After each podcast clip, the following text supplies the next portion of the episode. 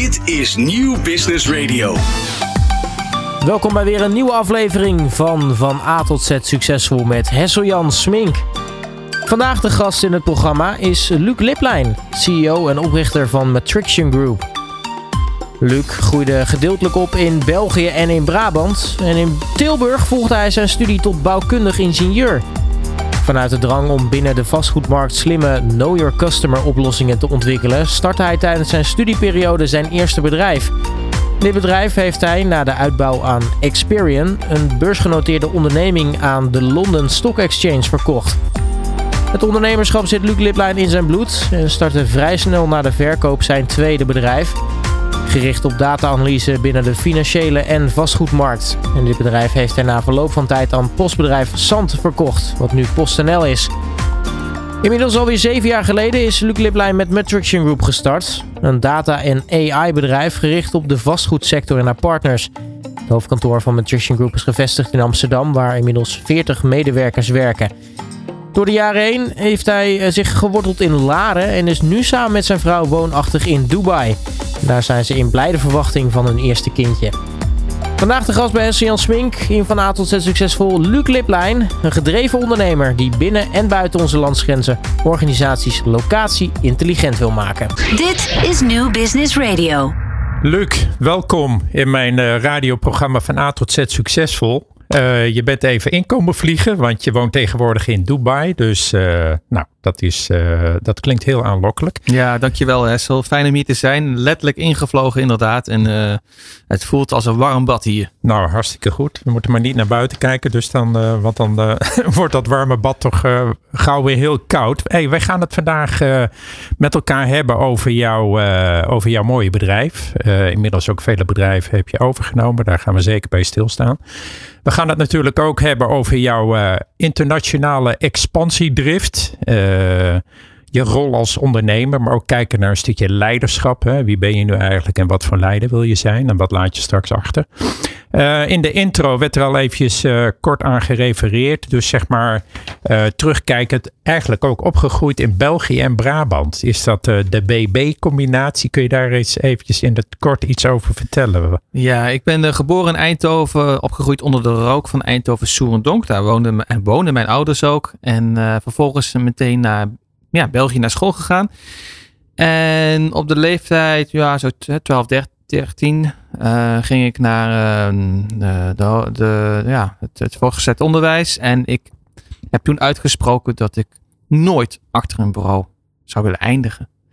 Dus en ging ik. Niet. En ja, ik vond dat saai. Ik, moet, ik wil iets doen, ik wil iets bouwen, ik wil iets maken, ik wil dingen creëren. En uh, dat doe je met je handen, was mijn overtuiging op dat moment. Dus ging ik naar een, um, een um, uh, Sint-Jansberg in Maaseik. Uh, een, een school met zo'n 2000 jongens, allemaal gericht op praktisch onderwijs. Uh, praktisch verschillende niveaus. En ehm, daar heb ik het vak van schrijnenwerkerij mogen leren, oftewel meubel maken. Oké. Okay. En, en houtskeletbouw vervolgens. En van houtskeletbouw ja, kwam ik in aanraking met bouw, vastgoed. Nou ja, en, en dus mijn vervolgstappen daarin. En kijk het naar dus zeg maar een stukje houtskeletbouw. Wat sprak je daar zo in aan? Dus zeg maar, want je hebt de stap gezet naar de vastgoedmarkt. Nou ja, ik, uh, en nog steeds, dat is onveranderd. Ik vind hout gewoon een super mooi product. Ik vind het zo prachtig wat je daarmee kan doen en hoe je het kan bewerken, hoe je het kan vervormen. de, de verschillende houttypes. ehm, het is een, duurzame, een duurzaam bouwproduct, maar los daarvan, ik vind het prachtig wat je daarmee kan. En uh, hout geeft ook veel rust. Dat is niet alleen nou, kinderen bijvoorbeeld. Hè, kinderen die met houten blokken spelen is toch even wat anders dan met plastic speelgoed of met games of wat dan ook. Dus ehm, nee, ik vind hout gewoon een heel mooi product. En of het nu meubels zijn of uh, of, of, of, woningen. Of, dat maakt voor mij niet uit. Maar ik vind het gewoon enorm interessant. Ja, van daaruit dus zeg maar ook je na het voortgezet onderwijs ben je dus zeg maar je vervolgstappen gaan zetten. Ben je naar Tilburg gegaan. Ja. Je studie gevolgd tot bouwkundig ingenieur. Uh, was dat een logisch gevolg of werd je ja, daartoe gestimuleerd? Ja, nee, totaal niet. Het, uh, nee, het was volledig, dat kwam volledig voort uit, uit mijn eigen, ja, behoeftes om dingen te bouwen, te creëren. En ehm, ja, ik, ik heb denk ik in heel mijn tienerjaren altijd wel gedacht ik word architect. Dus ook met die uh, gedachte ben ik begonnen aan, uh, aan deze studie. En nou, het creatieve gedeelte ging me goed af. Maar wat ik al wel zag, lerende van hoe het de markt werkt, degene die betaalt, bepaalt. Of je moet een hele grote architect zijn, dan gaan er wat uitzonderingen spelen. En ik denk van ja, dat ben ik ongeduldig voor. Dat, gaat, dat is niet mijn ding. Dus ik denk nou, als degene die betaalt bepaalt, dan moet ik waarschijnlijk naar de andere kant toe. En dat is uh, toch uh, iets meer gericht op uh, de vastgoedontwikkeling, projectontwikkeling. Dus ik heb mijn eindprofiel heb ik, heb ik daarin, daarin gevolgd. Ik heb nog tussenprofielen gehad die vooral gericht waren op stedenbouwkunde. Dus ik heb wel het geluk gehad dat ik daar ehm, ja, zowel naar de architectuurkant heb mogen kijken als stedenbouwkundige kant, als ook echt de, de, de, financiële kant, gericht op projectontwikkeling. Uh, maar ehm, ik was eh, erg ongeduldig, ook ongeduldig in het afmaken van mijn studie op dat moment. Maar ik heb het wel afgemaakt. Maar mijn eerste. En waar kwam dat ongeduld vandaan? Ja, ik, ik, wilde al gaan werken, ik wilde gaan ondernemen. En ik dacht van, nou, ik weet het allemaal wel. dus ja, waarom heb ik dit nou eigenlijk nog nodig? Ehm dus ik begon in mijn laatste twee jaar van mijn studie al wel een eigen studentenbedrijf. En uh, ja, dat... Zat dat er al in of kwam dat uh, bij je ouders vandaan? Nee, dat kwam echt van mijzelf. Van, hoe het is ontstaan. Wat wel van mijn ouders vandaan kwam is dat zij mij gestimuleerd hebben om op kamers te gaan en ehm, van thuis uit uh, zijn zij inderdaad actief met vastgoed. Dus nou, het stukje huur innen en nou, hoe met huurders om te gaan. Dat, dat binnen het stukje kamerverhuur, dat kreeg ik wel mee. En daar kwamen wat meer en meer kamers bij. En ook uh, winkeltjes kwamen erbij. En wat andere commerciële ruimtes. Maar ik was nog echt zo groen als gas. Dus het woord aanmaling moest ik nog googelen. Nou, wat je dan doet als je zeg maar, met studenten bij elkaar in een, in een studentenhuis woont. Iemand Inmiddels betaalt... weet je wel wat het is. Inmiddels uh, weet ik uh, te goed wat het is. Okay. en uh, ja, dan, dan zeg je tegen iemand van, nou, je krijgt nu geen bier. Sorry, je moet eerst huur betalen en dan pas krijg je bier. Nou, dat is makkelijk, weet je. Je spreekt dezelfde taal, je zit in hetzelfde huis. je hebt allemaal een band met elkaar. Dus dan, en dan komt het wel goed. Maar wanneer mensen verder van je afstaan, dan wordt het al wat moeilijker om, ja, zeg maar, aan je geld te komen. Maar ook om te snappen van ja, wat voor mensen had ik eigenlijk letterlijk in huis. Nou, ik uh, zag een aantal uh, fraudegevallen ontstaan. Eentje was een, een hennenplantage. En uh, nou ja, goed. Dan maak je dat mee. En dan draag je ook zo'n huurder aan. En dan ben je dus nogmaals zo groen als gas. En dan zie je zo'n mooie envelop op je deurmat ploffen. Met van die leeuwtjes erop. En die maak je open en staat, nou wilt u even 30.000 euro betalen, want uh, we hebben geleden schade vanwege die hennenplantage. Ja, nou ja, dan schrik je kapot. Denk je, je bent student. Nou, hoe dan? Nou, dan kom je erachter van, oh shit, ja, ik was dus wel echt verantwoordelijk voor het screenen van die huurder. En uh, nou, dan is dat allemaal wel, uh, zeg maar, losgelopen. Maar kwam er nee, daardoor... kan dat dat dat losgelopen is? Want je praat over een aanzienlijk bedrag van 30.000 uh, Omdat ik de goede beheerovereenkomst had afgesloten. Oké. dus daar een beetje vrijbaar. Die had ik een copy-paste op dat moment van, van, volgens mij van Hamburg Investment of zo. Die had ik eens online gevonden. Okay, dus ik heb gewoon geluk gehad. Het is het eerlijke verhaal. Ik heb gewoon geluk gehad. En, uh, en uh, nou, vervolgens uh, dacht ik wel van ja, dit voelt gewoon niet goed. Het is gewoon niet eerlijk. Ik bedoel, ik heb mijn best gedaan. Ik dacht van, oh, ik heb hier echt gewoon een hele goede huurder aangedragen. Dan gebeurt dit. Dan word je op die manier, word je zeg maar, daar zelf uh, in, in hetzelfde schuitje word je zeg maar meegenomen. Moet je zo'n rekening betalen. Ik denk, het gaat niet alleen om mij, maar het gaat eigenlijk om al die gevallen maar je ziet dat er veel fraude wordt gepleegd uh, door uh, illegale hemplantages, illegale prostitutie, uh, brandstichting, agressie naar medewerkers. Dat speelt vooral veel bij woningcorporaties. Um, uh, via de onderhuur in algemene, in algemene zin. En ja, dan heb ik het niet over mensen die een keer een huur niet te betalen of een keer zeg maar de huur te laten betalen. Maar dan heb ik het echt over mensen die echt gewoon notoire fraudeurs zijn. En ik zag wel dat die groep heel groot was. Um, dus uit pure frustratie begon ik toen een websiteje.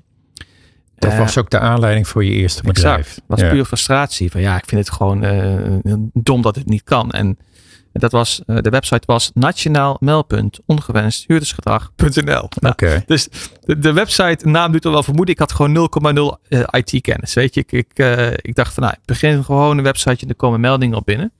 En ehm, die meldingen kwamen binnen van woonfraude. En uh, die heb ik toen vervolgens ook doorgezet naar woningcorporaties. Van nou weet je, ga, ga daar maar mee aan de slag. En ik zat ik al wel te denken van nou, het zou mooi zijn als ik hier een abonnementje aan kan koppelen. Weet je, dat ik die woningcorporaties laat betalen. Maar nog voordat ik dat idee had, achter weer een brief op mijn deurmat.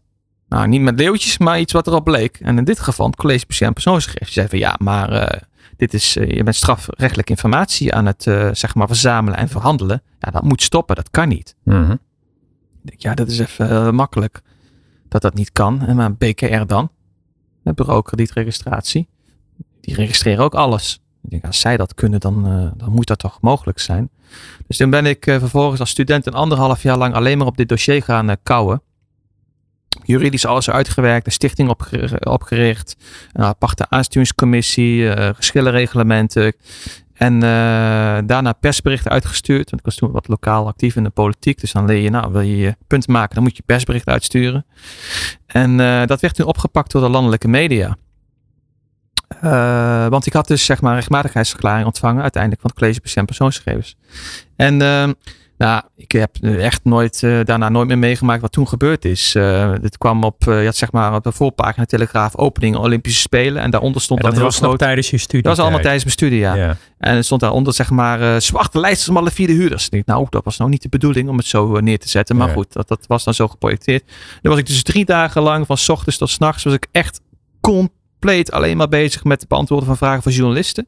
Alle ontbijtprogramma's, alle kranten. Uh, wat gebeurde er daarna? Nou, dat is interessant wat er daarna gebeurde. Een aantal dingen met mij, maar ook, ook hè, als persoon, maar ook zakelijk. Um, allereerst, uh, zeg maar zakelijk, is dat um, de hele wereld van handelsinformatiekantoren, zoals die toen bestonden, die gingen op mijn deur kloppen. Ik wist niet eens dat die wereld bestond. Maar nog veel interessanter, ik werd in één keer gebeld door Kamerleden. En je was met je studie bezig? Ik was met mijn studie bezig. Ja, ik zat letterlijk in de collegebank. Ik had gemiste oproep van iemand die ik niet mocht aan, uh, opnemen. Want ik zat in, in gewoon ja. een leslokaal. En er was van een Tweede Kamerlid. Weet je, die wilde uh -huh. bijgepraat worden. Dus dat was uh, best wel een, een bijzonder hoe dat samenkwam. En ik herinner me nog dat er zeg maar vragen ontstonden. Kamervragen zelfs. Want dit was nu juridisch wel mogelijk. Om zeg maar huurders te screenen op dat moment.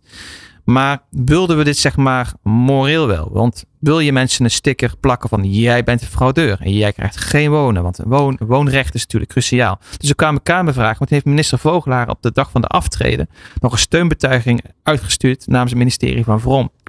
Van oké, okay, wij steunen dit initiatief. Nou, toen was alles natuurlijk helemaal compleet. Dus en ja, wat gebeurde er toen met jou? De... Nou ja, kijk, ik had nog nooit iets gezien. Ik was een student, zo groen als gas. En uh, ja, en je wordt compleet gewoon massaal gelanceerd. Ik bedoel, alle media, landelijk, de grootste bedrijven in, in dit gebied. Iedereen. Maar je had een idee, eigenlijk had je niks. Nou ja, ik had een uh, papieren document en ik dacht van, nou dan ga ik maar, weet je, ik ga maar ontwikkelen. Ik ga maar, uh, ik ga maar software uh, ontwikkelen om het maar mogelijk te maken. Maar ik had eigenlijk nog geen budget voor. En ik had er geen kennis van. Ook nog, ik, ik, ik kon net het tweede tabblad in Excel openen op dat moment. Ja. Dus um, want ja. je startte jouw bedrijf in Know Your Customer oplossingen te ontwikkelen. Uh, ja. te, in, in, ja. Althans voor de vastgoedmarkt. Ja. Uh, je geeft net al aan, je bent met je studie bezig. Je wist nog niet eens uh, amper hoe Excel werkte. je wilde naar een abonnementstructuur. Wat is daar uiteindelijk uit voortgekomen voordat je het verkocht hebt? Aan, nou, dat Experian. is een aantal dingen. ik ben gaan bouwen en ik had zeg maar bijna alles ook wel rond met een aantal partijen die het zouden gaan funden. En toen, en toen um, viel Lehman Brothers om. Dus het was vers de crisis die, uh, die ontstond. Was, uh, nou, 2007? Ja, 8, 7, zoiets. En toen uh, ging alles op slot. Dus ik had een prachtig plan. Ik had uh, alle papieren geregeld. Ik had maximale PR, want je had niet meer kunnen doen dan dit. Alle aanvragen van kleinere klantjes kwamen wel binnen. Maar die grote partijen, die, die, die hielden de deur in één keer dicht. Toen dacht ik van shit. En ik had er echt veel privé gehad in gestopt. Ook echt heel veel. En um, vervolgens uh, dacht ik van ja, welke, welke opties heb ik nu? En uh, ja, vervolgens heb ik de keuze gemaakt om toen dit uh, te verkopen aan Experian. Die had hier interesse in. Nou, eigenlijk verkocht je een idee. Nou, meer dan een idee. Het was een idee plus een unieke rechtmatigheidsverklaring die echt één op één aan deze stichting was gekoppeld. En de stichting bestond ook wel, die was ook ingeschreven. We hadden de naam wel aangepast van Nationaal Meldpunt Ongewenst Huurdersgedrag naar klachten- en kansenregister. Dus dat was even net uh, wat, het was allemaal wat doorontwikkeld ook. En uh, zelfs op dit moment nog steeds, je hebt corporaties die, die uh, nemen zeg maar nieuwe huurders aan en die hebben het over het stoplichtgesprek wat ze ingaan. Dus is het groen, oranje of rood. En, die, en ze passen daar zeg maar de, de, de, de, de voorwaarden het huurcontract ook op aan. Ja. Dus ja, dus dat is zeg maar de, de erfenis die ik daarin heb achtergelaten. Ja. En dan, uh, wat je hebt het verkocht aan een, uh, een uh, Experian, een beursgenoteerde onderneming ja. aan de London Stock Exchange. Ja. Um, toen ging je eigenlijk al vrij snel leerde je ook wat, wat een beetje leiding geven eigenlijk inhoudt. En toen ben je ook eigenlijk je tweede bedrijf gestart. Maar voordat we naar jouw tweede bedrijf gaan en doorgaan naar de Matrician groep, dan uh, gaan we eerst even naar muziekje en dan komen we zo meteen weer terug. Dit is Nieuw Business Radio. Van A tot Z succesvol met Hessel Jan Smink.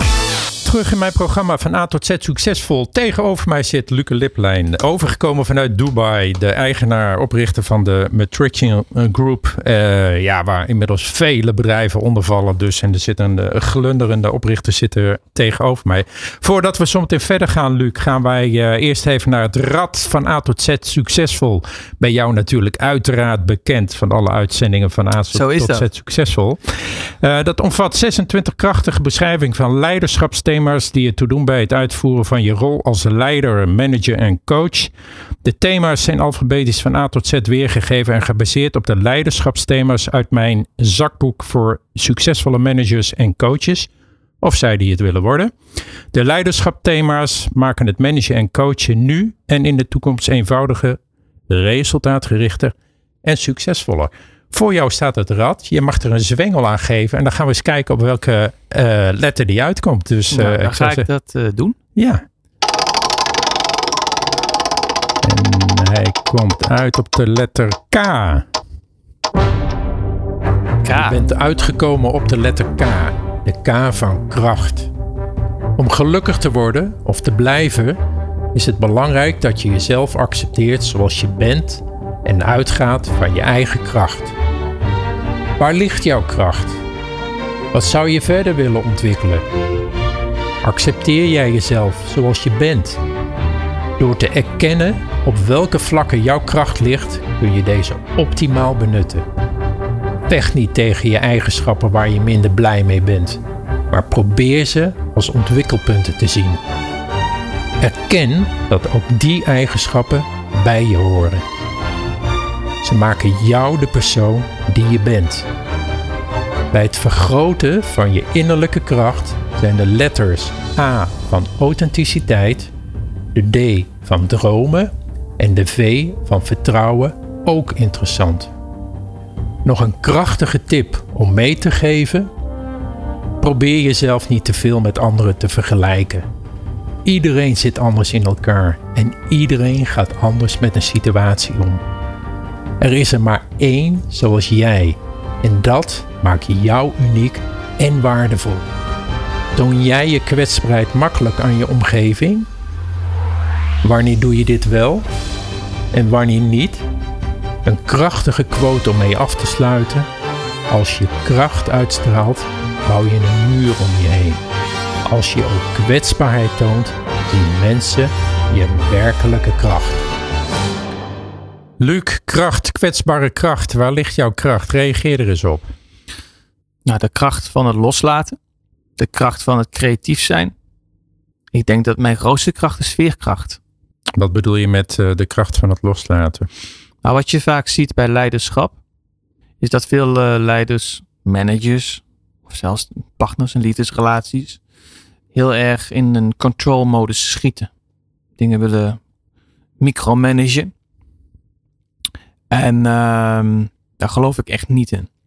Waarom niet? Ik geloof er wel in dat iedere leider en manager passend bij een fase van een organisatie een ander type leiderschap moet laten zien. Maar wil je echt een organisatie bouwen, dan uh, geloof ik dat je eigenlijk drie dingen moet doen. Eén, de juiste mensen aannemen. Dat is makkelijk gezegd, maar echt de beste mensen aannemen. Twee, die mensen richting geven. Ik zeg niet dat dat makkelijk is, maar is het tweede. En derde is binnen die richting, met de juiste mensen, de beste mensen, die mensen een ruimte geven. Want als je die mensen de ruimte geeft en een stuk een beetje loslaat, dan geloof ik dat zij veel beter in staat zijn om hun eigen maximale potentie te benutten binnen de uitdagingen waar je als bedrijf voor staat. Mhm. En dat laatste stukje loslaten, uh, tuurlijk, dit heeft allemaal wel hè, wat, wat uh, binnen, binnen de lijnen.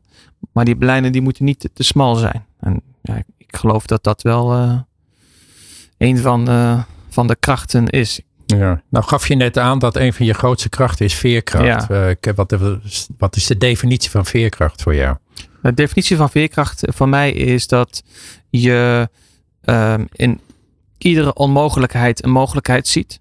Dat je in iedere teleurstelling niet naar beneden kijkt, maar naar boven kijkt. En kijkt van, hé, hey, hoe kom ik hier uit?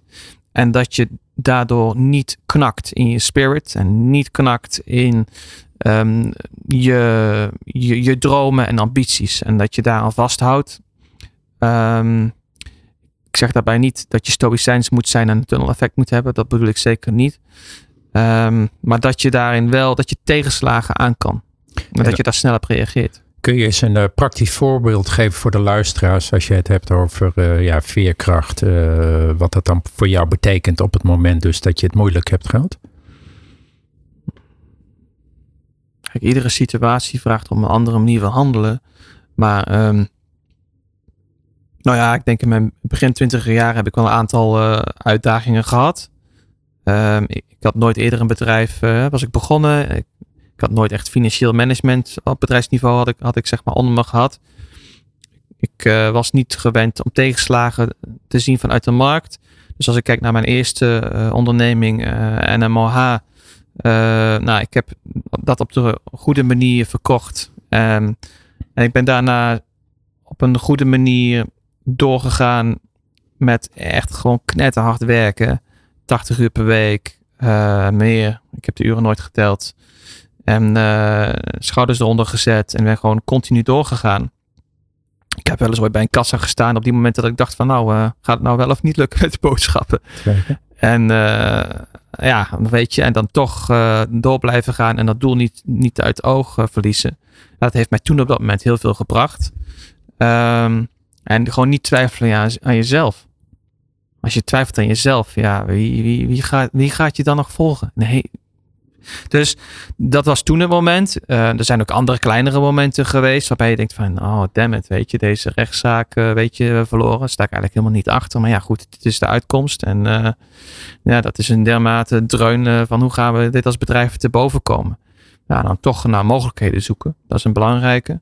Ja, dus dat, er zijn een aantal, zeg maar wel periodes die je zo tegenkomt in je leven, ook privé, dat je denkt van ja, weet je, hoe, hoe, gaan we dit nou uh, doen? Ja. Voor de pauze hebben we het gehad over jouw uh, studententijd, maar ook kijkend naar je eerste bedrijf. Je tweede ja. bedrijf startte je vrij snel al nadat je je eerste bedrijf uh, had verkocht aan Experian, een beursgenoteerde onderneming. Um, het tweede bedrijf dat, hing, dat ging zich met name bezighouden met data-analyse binnen de financiële en de vastgoedmarkt.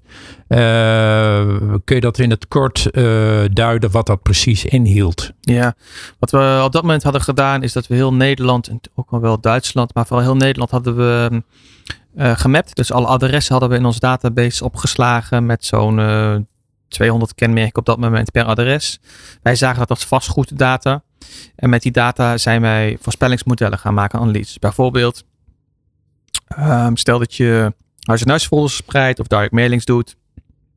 Uh, welke woningen beschikken over een balkonnetje en welke woningen over een tuin. Want de mensen met een balkonnetje, ja, stuur nou geen folder dat ze grasmaaiers moeten kopen. Dat is niet echt handig. Dus dat is één voorbeeld. Een ander voorbeeld is um, uh, dat wij op dat moment al gestart zijn met het maken van modelmatige woningwaardebepalingen. Dus dat is feitelijk een geautomatiseerd taxatierapport. Daar zijn we toen al mee gestart. En uh, daar hadden we toen al wel wat launching customers op, maar de kwaliteit was nog niet helemaal top. Maar dat is toen wel, zeg maar, waar we op uitgekomen zijn. wat toen ook een tegenslag was, ehm, hè, wat ik even in de break ook eh, vertelde. Ik eh, had het geluk bij de verkoop van het eerste bedrijf dat ik op directieniveau binnenkwam bij Experian. Ehm, daar iemand tegenkwam, Arie van Herk, die mij onder de vleugels heeft genomen, echt alles heeft geleerd. Maar diezelfde man uh, investeerde dus ook in mijn tweede bedrijf. Daar geloofde daar ook in en geloofde in die zin ook in mij. Uh, en we hadden dat product net, um, zeg maar, um, op, uh, op, bijna op de markt gebracht. Het modelmatig waarderen van woningen. En de goede man overleed.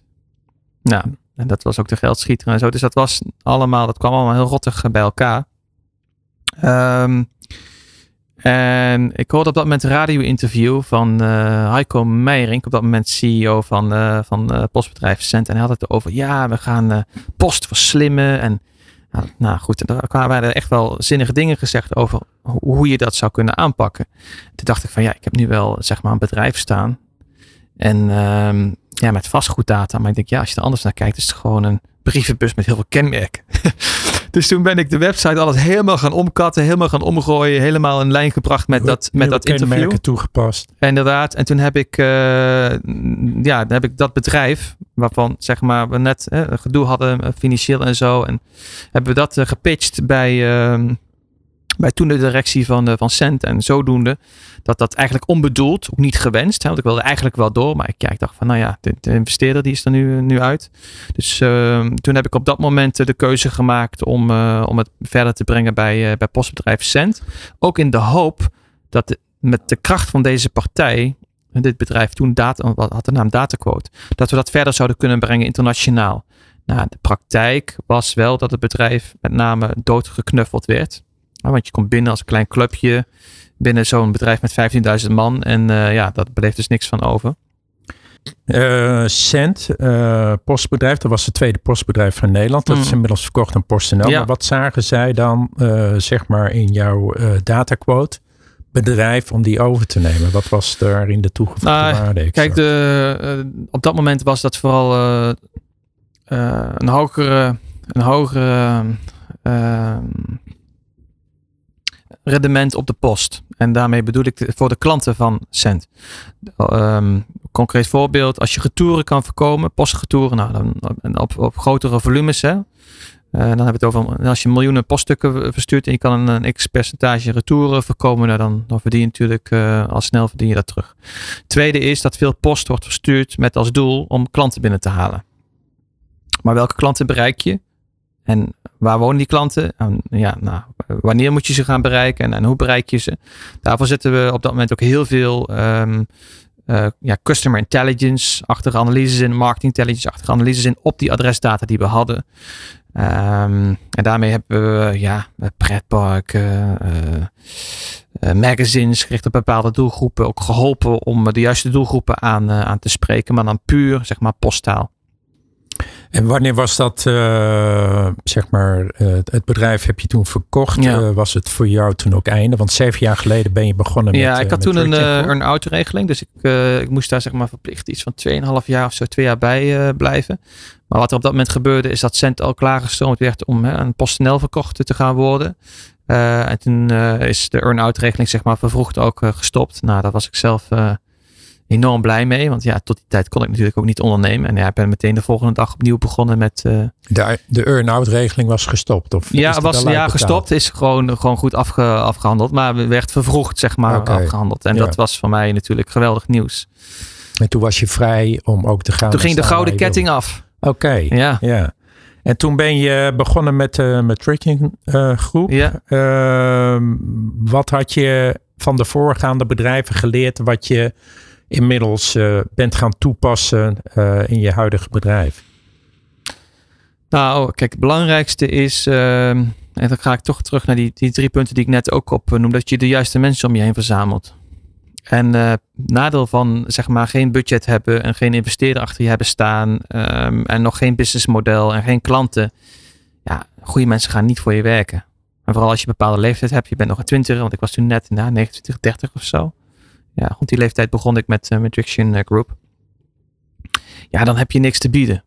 Dus um, wanneer je het moment hebt bereikt dat je mensen aan je kan binden die ook echt uh, iets kunnen en kwaliteiten hebben en passen bij de strategie en visie van het bedrijf, als je dat team bij elkaar eh, zeg maar hebt, ja, dat wil je niet verliezen. Dus die eerste stappen en het bouwen van een, van het bedrijf en de juiste mensen om je heen verzamelen, ik denk dat dat de moeilijkste stappen zijn om, eh, om te zetten. Ehm, dus wat ik daarvan geleerd heb, is dat ik ehm, dat niet zomaar wil laten gaan. Hè, ik heb twee keer eerder ben ik het bedrijf begonnen en heb ik het verkocht. Nou wil ik dingen niet gaan uh, romantischer gaan maken dan ze zijn. Maar het zou mij wel mooi lijken om dit bedrijf zeg maar uh, gedurende mijn leven een beetje door te laten groeien. Tot, nou ja, ik zie wel wanneer. En ehm, dus ik zit niet nu in de wedstrijd van nou laat ik het bedrijf snel, snel oppompen en, en kijken hoe ik het weer kan gaan verkopen. Kijk, dat we nu wat groeistappen moeten zetten, ja snap ik. En met wat steunen van buitenaf. We hebben nu een investeerder ook aan boord.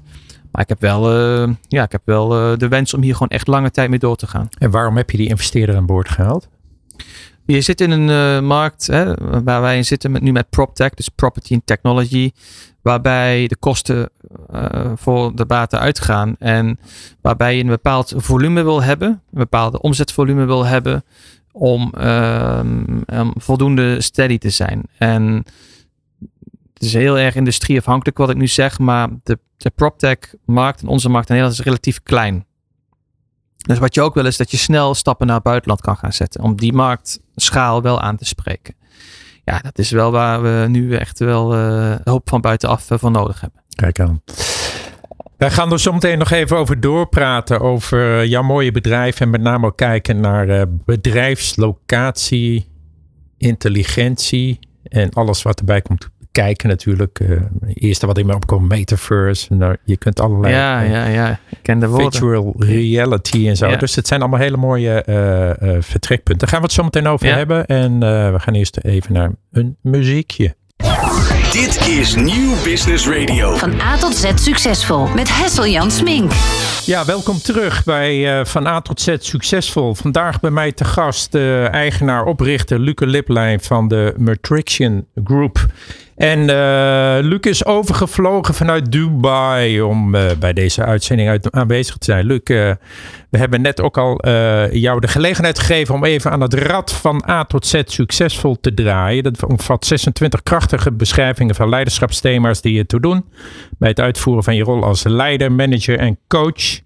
De thema's zijn alfabetisch van A tot Z weergegeven en gebaseerd op de leiderschapsthema's uit mijn zakboek voor succesvolle managers en coaches of zij die het willen worden. De leiderschapsthema's maken het managen en coachen nu en in de toekomst eenvoudiger, resultaatgerichter en succesvoller. Jij mag een zwengel geven aan het rad en we gaan eens kijken op welke letter die uitkomt en uh, wat we te horen krijgen. Hij is uitgekomen op de letter I. Je bent uitgekomen op de letter I. De I van IQ, ook wel intelligentiequotient of in de volksmond ook wel je intelligentieniveau genoemd. Uiteraard dien je over voldoende intelligentie, kennis en kunde te beschikken om een leidinggevende job te kunnen vervullen. Respect voor jezelf hebben is belangrijk, maar probeer je zelfwaardering los te koppelen van je IQ. Je IQ bepaalt namelijk niet wie jij bent als persoon. Dus probeer hier niet je identiteit aan te ontlenen. Analyseer voor jezelf regelmatig welke situaties of processen je niet volledig verstandelijk kunt benaderen, onderbouwen en verklaren. Op welke wijze analyseer jij dat geregeld voor jezelf? Leer serieus je eigen talenten kennen en toepassen en gun je teamleden dat ook. Naast IQ is het dagelijks inzetten van je talenten en die van je teamleden een belangrijke voorspeller van succes. Als bonus krijg je ook nog meer voldoening en werkplezier door. Heb respect voor jezelf zoals je bent, met al je talenten, karaktereigenschappen en tekortkomingen. Interessant ook bij het vergroten van je IQ zijn de letters Q van Qualify Yourself en de T van temporiseren. Ik heb nog een mooie IQ-tip voor je. Zet je IQ in om je bewuster te worden van je emotionele intelligentie en leer daar een goede balans tussen te vinden. Dan word je de leider die je graag wilt zijn. Nog een doordenkertje om mee af te sluiten? Benut jij je IQ of zit het je in de weg? Luc, reageer er eens op. Ja, allereerst complimenten voor eh, zeg maar de uitleg over IQ. Dankjewel. Echt enorm mooi om eh, zo naar te luisteren. Ja, er ging veel door mijn hoofd hier naar luisterend. Ehm, allereerst, Neem de luisteraars eens mee. allereerst ehm, ik hoop dat ik eh, mensen om me heen verzamel met een hoger IQ dan ik zelf heb. En dan heb ik het vooral om de mensen in mijn bedrijf. En ieder voor zijn eigen, natuurlijk, domein. En ik denk dat ik goed op weg ben daarin. Ehm, sommige leiders zien dat misschien als een bedreiging van hey, ik weet niet alles of ik weet hier niet, maar ik, zie het met name gewoon als een team effort. En eh, nou, eh, een, spits laat je ook niet verdedigen of keepen of wat dan ook. Dus iedereen doet zijn eigen ding gewoon op zijn eigen manier het beste. Ehm, en inderdaad, ehm, voor sommige van die rollen is er een wat hoger. hè, Er zijn zo- zoveel kleuren en vormen in IQ als je daar natuurlijk bij stilstaat. Er werd ook al in, in jouw intro EQ even genoemd. Emotionele quotient, Eh, ja, en, eh, nou, ik- intelligentie. en ik denk dat dat enorm belangrijk is om dat niet uit het eh, oog te verliezen. En dat voor iedere rol dat ook op een andere manier aanwezig zeg maar, moet zijn. Ehm, dus ja, dat, dat zijn dingen die zo door mijn hoofd gingen. En een andere die eh, ook werd benoemd, is dat de IQ moet je niet in de weg gaan zitten. Het moet niet je. nou, Het moet niet zo zijn dat, dat, ehm, dat je je, je eigen waarde daar gaat ophangen. En ik denk dat dat bij veel mensen wel, wel speelt. En als ik naar mezelf kijk, heeft dat bij mij ook wel gespeeld. Ik denk vooral, eh, Op welke momenten? ja, ik denk vooral in mijn twintig jaar, misschien zelfs begin dertig ook nog wel. En dat je er dan achter komt van, ja, jee, wil, wil je nu echt, wil je hier nu dingen zeggen die ertoe doen? Of wil je gewoon gehoord worden? En, eh, nou ja. Wat was dat in jouw geval? Ehm, nou, waar ik eh, altijd heel veel vreugde uit, eh, uit haalde, is dat je op een gegeven moment uitgenodigd wordt bij allerlei directiemeetings om, om je verhaal te vertellen. En dat er een probleem op tafel gelegd wordt en dat je het gevoel hebt, en dat is dan misschien ook op, op die momenten zeker wel het geval geweest, dat je toch eh, de slimste bent aan tafel binnen dat deelgebied om dat probleem op te lossen. Ik ben een manier van denken te maken. Ik ben heel erg visueel in denken, maar ook heel analytisch. Uh, en dat, zijn mijn sterke punten. En, daar heb ik, uh, ja, daar heb ik dan zeg maar die problemen goed mee. Dus dat stukje IQ is, is bij mij echt gewoon heel goed uh, ontwikkeld. Uh, dus daar ga je dan op focussen. Maar als je daar te veel op focust, omdat je daar veel waardering uit haalt, ja, dan kan dat ook een beetje doorschieten. Waarbij je te weinig toekomt aan het ontwikkelen van je EQ of andere elementen van je IQ die je nodig hebt om een organisatie te kunnen laten groeien en ontwikkelen. Uh, dus ja, dan kom ik weer op het punt uit het loslaten. Dat je sommige dingen gewoon even loslaat. En op wat andere dingen gaat focussen daarin. Um, ja. Duidelijk. Even een bruggetje slaande naar jouw uh, Group. Een groep bedrijven die zich ieder op hun eigen manier specialiseren in de locatie intelligent maken van organisaties. Hè? Dat is wat jullie bedrijf uniek maakt. Hè? IQ en EQ, dat is een beetje waar we het net over hadden, komt eigenlijk samen. Dat is ook een heel uh, pad wat je hebt uh, bewandeld, waar je pijn voor hebt geleden. Het is niet altijd makkelijk geweest. En at the end zegt iemand altijd ook, kijk hem eens, hè? dat heeft hij goed gedaan. Maar ik zeg altijd maar zo, in elk dieptepunt zit een hoogtepunt en elk hoogtepunt weer een dieptepunt. En als je daar een balans in weet te vinden, nou, dan kan het best leuk zijn. Maar jouw bedrijf is maar groeiende. Uh, inmiddels heb je ook uh, een aantal bedrijven overgen uh, Drimble Media, Mixed Reality en Home Matrix. En de Matrix die komt toch wel steeds weer terug. Dat is natuurlijk ook een stukje intelligentie. Drimble Media, daar stond ik even van te kijken van ja. waarom je die eigenlijk hebt overgenomen. Maar ja. daar zit een goed verhaal achter.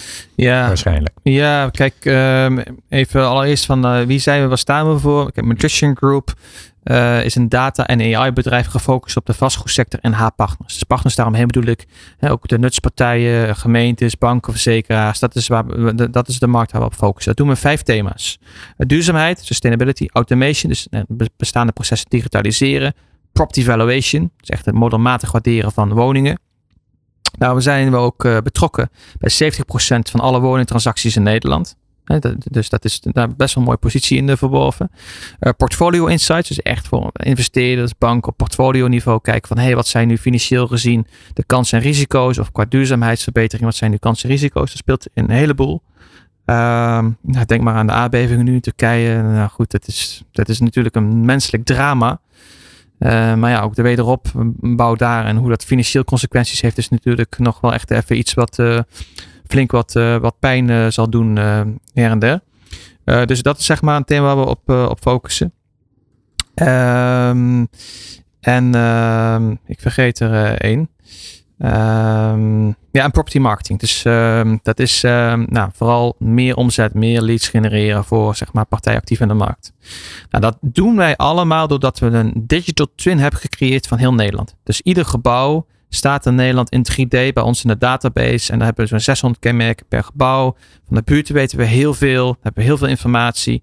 En die data gebruiken we voor onze voorspellingsmodellen. Om te voorspellen waar zonnepanelen te plaatsen. Of waar groen aan te brengen op daken. Of waar wat te doen uh, om overstromingen tegen te gaan. Of waar zeg maar, de woningwaardes dag stijgen of, uh, of dalen. Um, en als je dan kijkt naar zeg maar, onze business, dan hebben wij dat altijd B2B geleverd dan zaten we er in het begin zelfs een beetje als oliemannetje in. Waarbij we echt achter andere systemen zaten. En met Drimble hebben we een platform zeg maar, um, tot ons genomen. Waar, waar, we 3 miljoen unieke bezoekers per maand bereiken. Dus 3 miljoen Nederlanders weten ons iedere maand daar te vinden. En kunnen we diezelfde woningdata technologie nu gaan monetizen en gaan aanbieden aan de consument. Dus waar een consument voorheen naar een taxateur ging om een paar honderd euro te betalen voor een taxatierapport, kan dat dadelijk voor een paar tientjes, en dat kan nu al, maar we zijn dat continu te uitbreiden, kan dat voor een paar tientjes uh, bij ons en uh, real-time. Uh, zijn veel partijen blij mee. Want wat is jullie businessmodel? Wij zijn in essentie een informatieleverancier. En dan werk je met contracten, abonnementen? Beide. Uh, ja, contracten, abonnementen. Afhankelijk van de hoeveelheid afname. Exact. Ja, ja, ja bij banken, verzekeraars, makelaars, uh, retailers, um, vastgoedinvesteerders, maar ook de overheid hebben we, Rijksoverheid hebben we als klant. Ja. En als je nou kijkt naar de, uh, de je, noemde even net vijf uh, punten. Nederland wordt misschien wel te groot of is misschien wel te klein. je hebt ook internationale ambitiedrift. wat zou nou een, logische vervolgstap zijn voor jouw bedrijf, internationaal gezien? Ja, wat voor onze markt speelt is dat je op consumentenmarkten moet spelen die voldoende volume hebben. Dus uh, Luxemburg, nou ja, ik kan de euro maar één keer uitgeven. Dus als we nou voor Luxemburg wat gaan ontwikkelen, nou, dat is een kleine markt. Uh, voordat we daar wat rendement maken dat, uh, en een beetje volume hebben, nou, dat, dat, dat ligt niet heel erg voor de hand. Dus dan is het fijn om te kijken naar landen als Duitsland, Engeland, Frankrijk. dat zijn mooie markten om in te zitten. Canada zou ook nog kunnen. En natuurlijk het Midden-Oosten. Um, waarom het Midden-Oosten? Nou ja, kijk, je zou ook kunnen zeggen, ik noem uh, Australië of Amerika. Maar dat, er nog veel zand is? Maar dat is, uh, dat is een, een Red Ocean. En uh, in het Midden-Oosten is het een Blue Ocean. Dat wil men gigantisch uh, vernieuwen, verbeteren, groeien. Men heeft bewijsdrang naar het Westen. Absoluut. Er zit geld. er wordt gigantisch gebouwd. Er wordt gigantisch geïnvesteerd. Niet alleen in dingen die glitter en glamour zijn, maar ook in de overheid. Ook in... Ehm, ook in de, het hele financiële systeem, eh, zeg maar, ook uh, om de economie daar op eh, peil te houden. En uh, dat betekent dat de, de deuren daar voor ons nu uh, langzaam ook open gaan en de tijd rijp is om onze maar dat is ook heel veel investeren in contacten en ja, de, inderdaad. De Kijk, hier, daarvan. hier uh, wordt er vooral gekeken naar een uh, organisatie met allerlei ISO-certificeringen en, en, en, normen die gehaald worden. En is de organisatie wel robuust genoeg? Want als de eigenaar tegen een boma rijdt, uh, loopt alles wel door. En daar uh, gebeurt het tegenovergestelde. Daar is het zo van, ik vertrouw jou. Ik kijk jou in je ogen. Maakt niet uit hoe je het regelt. Je woord is woord. En je regelt het maar. En, uh, en dan zijn we goed. En dan kan ook alles. Vervolgens krijg je ook uitnodigingen voor de bruiloft van een dochter of zo, weet je. Dus dat is dan heel erg uh, op, op het menselijke contact en dat één op één contact, dat speelt daar enorm. Dus ja, zaken doen is daar anders. En als je nou kijkt naar uh, een logische vervolgstap in uh, Europa, of zeg je echt nee, ik, ik, ik, maak nu de stap naar het Midden-Oosten? Het kan zijn dat je zegt, uh, ja, Duitsland, Frankrijk is toch weer wat anders dan. Nou ja, de roadmap te, te, schetsen. Kijk, dit jaar. Ik kan me ook voorstellen dat ook heel veel copy-paste kan zou kunnen ja, zijn. Ja, wel, maar um, vastgoed is wel heel erg lokaal, zeg maar, wat verschillend hè, qua regelgeving, hoe markten werken. Dus één op één copy-paste is niet mogelijk, maar technisch gezien kunnen we inderdaad wel heel veel uh, hergebruiken. Dat is ook de reden waarom we opschalen naar andere landen. Um, dit jaar ligt de focus echt op Nederland. Dus hier de basis goed hebben, nog een sterker directieteam, uh, werken aan nog meer kennis in de organisatie, duidelijkere processen, uh, ook de governance daaromheen. We zijn nu ook de stak aan het oprichten, de stichting administratiekantoor. Dus we zijn alles nu aan het regelen dat de basis hier gewoon goed staat. Dat onze identiteit en branding gewoon nog strakker staat. Want daar hebben we echt nog wel wat in, in te doen. Uh, met name ook door de overnames die we gedaan hebben. Hè. Dat, nou, nou, dat heeft allemaal een impact. Dus dat willen we dit nu echt goed neerzetten. Na dit jaar kunnen we inderdaad gaan kijken van oké, hoe gaan we nu de stap naar het buitenland zetten? Nou, en dan heb ik net de landen genoemd, Engeland, Duitsland, Frankrijk. Uh, dus die, die zijn, dat zou, dat zou kunnen, dat we daarna gaan kijken. En ja, het Midden-Oosten natuurlijk ook, want ja, ik woon daar. Dus uh, ik kom daar mensen tegen, ja, en dan gaan dingen al snel vanzelf ontstaan.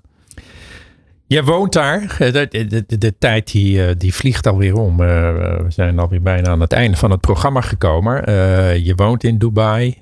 je bent recent getrouwd. En in blijde verwachting van jullie eerste kindje. Yes. En wanneer gaat dat plaatsvinden? Dat gaat deze zomer plaatsvinden. Oké. Okay. Ja. Dus weer een hele mooie stap in jouw Absoluut, ja. jonge uh, ondernemersleven. Uh, ja, en, ja het, doet ook, het doet ook iets met je eh, als ondernemer. Ik bedoel, uh, en risico, wat doet dat met jou? Nou ja, de risicoprofielen voor mij die gaan een beetje, ja. of die ik aanvaard, die gaan een beetje omlaag natuurlijk. Ja, ja, ja, ja, ja. ja. Uh, Luc, even ter afronding wil ik jou nog een paar stellingen voorleggen. Dat doe ik altijd in, het, in mijn radioprogramma van A tot Z Succesvol. Ja. Ga uit van je eigen kracht als leider. Ben je het daarmee eens? Ja, zeker ben ik het daarmee eens. Wees consequent en flexibel tegelijk. Ja. Ja, alles met mate. Bescherm je grenzen. Nou, die is nog wel het belangrijkste, denk ik. Ja. Pak momenten voor jezelf. Die is relatief, maar belangrijk. Durf nieuwe dingen te doen. Zo leren we hè, met z'n allen. Wees de leider die je zelf wilt volgen. Nee. Nee. Kijk achterom voor je een nieuwe stap zet. Ja, zeker. Zonder te veel wrok en trauma's en dingen kunnen loslaten is ook belangrijk. En dan wordt het heel mooi. Uh, Luc, ik wil, uh, wil jou danken. Dank voor het luisteren naar het radioprogramma van A tot Z Succesvol. Het radioprogramma die leiders inspireert om nog beter te worden in het managen of coachen van hun team. Iedere tweede donderdag van de maand tussen 11 en 12 uur te beluisteren op Nieuw Business Radio. Uiteraard kun je het programma ook via podcast terugluisteren. Een succesvolle dag verder en tot de volgende keer. Rick, ik uh, wil jou hartelijk danken en uh, ik wens je heel veel goeds toe de nou, komende dankjewel, periode. Dankjewel Hessel. En ik ga je boek van A tot Z ga ik zeker lezen. Dus waar kan ik het bestellen? Uh, of heb je er zo nog eentje voor me? Ik heb er nog wel eentje voor ah, je. Ja. Nou, ja, maar je kunt heb die weer even geregeld hier. Hè? Ja, maar je kunt bestellen bij bol.com om bol. antwoord te geven op je vraag. Oh, oké. Okay. Ja, dus, uh, dus dat is helemaal goed. Uh, succes met jullie mooie bedrijf. En ja. ook succes komend zomer met de geboorte hm. van jullie kindje. Dankjewel Hessel, dankjewel. Dit is Nieuw Business Radio. Van A tot Z succesvol met Hessel Jan Smink.